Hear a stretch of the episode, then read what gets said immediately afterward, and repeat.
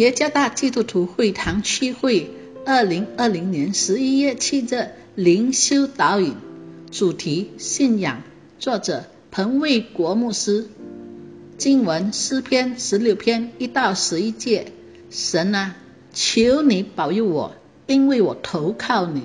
我的心呐，你曾对耶和华说：“你是我的主，我的好处不在你以外。”论到世上的圣名。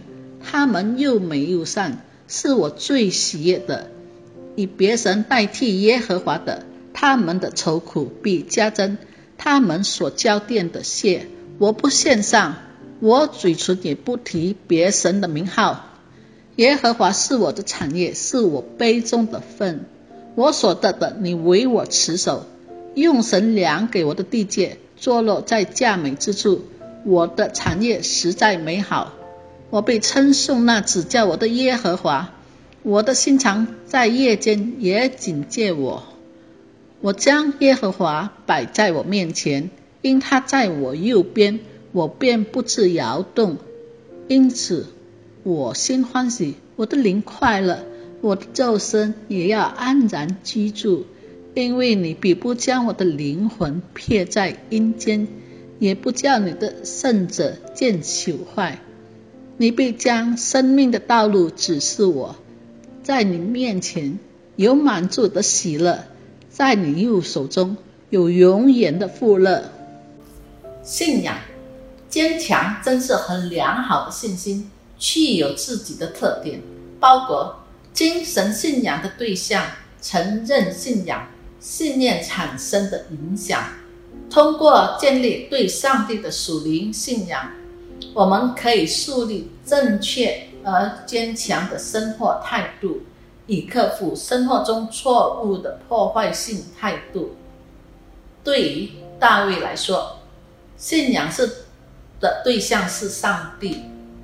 在大卫的祈祷和恳求中，他的焦点是对上帝的信仰以及对他的赞美。除此以外，在这篇诗篇中。大卫表达了他对上帝的信仰，他的信仰认识到上帝是祝福圣徒的人，上帝就像产业和悲，意味着自豪和喜乐的源头。上帝是一位权威和陪伴者，使生活满了快乐的神。上帝是保护之源，上帝是一切生命和祝福的源头。这是大卫对上帝的信念。大卫拒绝了所有只会带来愁苦的其他神灵。大卫信仰的对象和信念只在于上帝。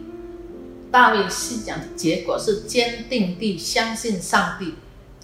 在基督耶稣里，我们的信仰也具有一些特征，包括。信仰的对象、信仰的宣告和信仰的影响，在基督里，我们能认知真正的上帝，那是我们信仰的对象。上帝成为我们生活中的一切，这包括生活中遇到许多困难时，在基督里，我们承认我们的信仰，他是上帝，是我们蒙福、自豪、喜乐、主权。和生命保护之源，在耶稣以外，我们经历着空虚和生命的突然。在基督里有信心的保障，就是说，即使风风雨雨接踵而至，我们仍要坚持依靠上帝而活。在基督里的信仰会产生真实的坚定而强大的灵性。